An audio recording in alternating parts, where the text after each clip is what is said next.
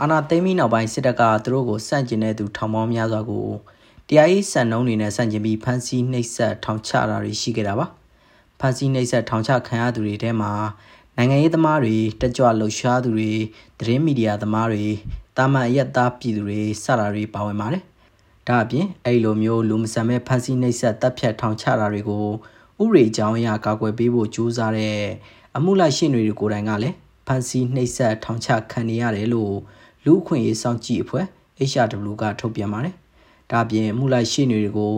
စောင့်ကြည့်တာချင်းချောက်တာတွေကလည်းရှိနေတာကြောင့်အမှုလိုက်ပေးမဲ့ရှင်တွေဟာရှားပါလာနေတယ်လို့လည်းလူခွင့်ရေးစောင့်ကြည့်ဖွဲ့ HRW ရဲ့မြန်မာပြည်တာဝန်ခံဒေါ်မနီမောင်က DB ကိုပြောပါတယ်။ဒါပေမဲ့အခုချိန်နေကမြန်မာပြည်မှာကဟိုဒီစစ်စိုးရကလည်းလှုပ်ချင်လို့လှုပ်ပြီးတော့ဟိုရှင်းနေရအနောက်ဆုံး line ဖြစ်နေတာပေါ့နော်အနောက်အနောက်ဆုံး defense ဖြစ်နေတာ so အခုသူတို့လည်းဖန်စီနှိပ်စက်ခံရတယ်ဆိုတာဟိုဒီ lockdown ဖြစ်နေရတာမသိရဘူးပေါ့နော်စားတော့ကအခုဒီ report ကိုရှာပြီးမှကိုလည်းသိသွားတော်တော်လေးလန့်သွား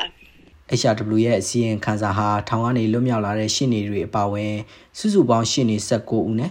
ဥပဒေအကြံပေး9ဦးတို့ကိုတွေးဆုံမေးမြန်းထားပြီးပြုစုထားတာဖြစ်ပါတယ်။ တွေးဆုံမေးမြန်းခဲ့တဲ့ရှင်းနေ19ဦးစလုံးဟာလည်းချင်းချောက်စောင့်ကြည့်ခံနေရတယ်လို့စီရင်ခန်းစာကဆိုပါတယ်။ဖန်စီခံရတဲ့ရှင်းနေတွေထဲမှာတရားရုံးကပြန်ထွက်ချိန်မှာပဲဖန်စီခံလိုက်ရတာတွေလည်းရှိပြီး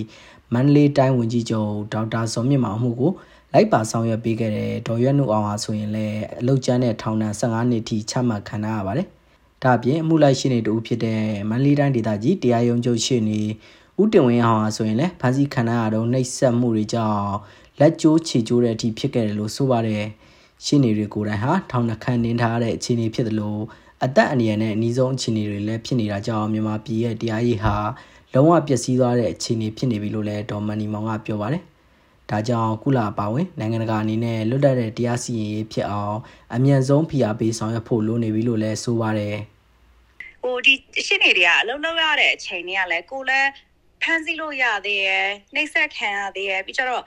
ဟိုနေတိုင်းနေတိုင်းဒီ stress တွေကလည်းဖြစ်နေတော့ဘယ်လိုပုံမှန်လင်းလင်းဖြစ်နိုင်မှာလဲပေါ့နော်ပြီးကြတော့ဒီနိုင်ငံရေးကလည်းဟိုနှီးလွန်းနေပေါ့နော်ဒီနောက်နိုင်ငံတွေကဖိအားဖို့အတွက်ဒီစစ်တပ်ကိုပဲအလိုလိုက်နေတဲ့ပုံစံရှိနေတော့တကယ်ဆိုရင်မြ мян ဆန်းဆန်းသူတို့တခုခုလုပ်ပေးရမှာ ာ ပေါ့နော်ဒီလောက်တောင်ဆိုးသွားပြီဆိုတာတော်တော်လေးစိုးရိမ်နေလက်ရှိမှာတော့စစ်ကောင်စီကအကျဉ်းထောင်တွေအတွင်းအထူးတရားရုံးနဲ့စစ်ခုံရုံးတွေဖွင့်လှစ်ပြီးတရားရေးစံနှုန်းတွေနဲ့မညီပဲပြည်တံတွေချမှတ်နေတာဖြစ်ပါတယ်အမှုလိုက်ပါဆောင်ရွက်ပေးမဲ့ရှင်းနေတွေမရှိတာကြောင့်ဥပဒေအရရပိုင်ခွင့်ဆုံးရှုံးနေတဲ့ဖမ်းဆီးခံရသူတွေကလည်းထောင်နဲ့ချီပြီးရှိနေပါတယ်ခုချိန်ထိဖမ်းဆီးခံရတဲ့ရှင်းနေရေးအတွက်ကလည်း32ဦးထက်မနည်းရှိနေသေးတယ်လို့လည်း AAPP ရဲ့အချက်လက်တွေကိုကိုးကားပြီး HRW ရဲ့အစည်းအဝေးခန်းစာမှာဖော်ပြပါတယ်ကျွန်တော်ထအောင်ပါ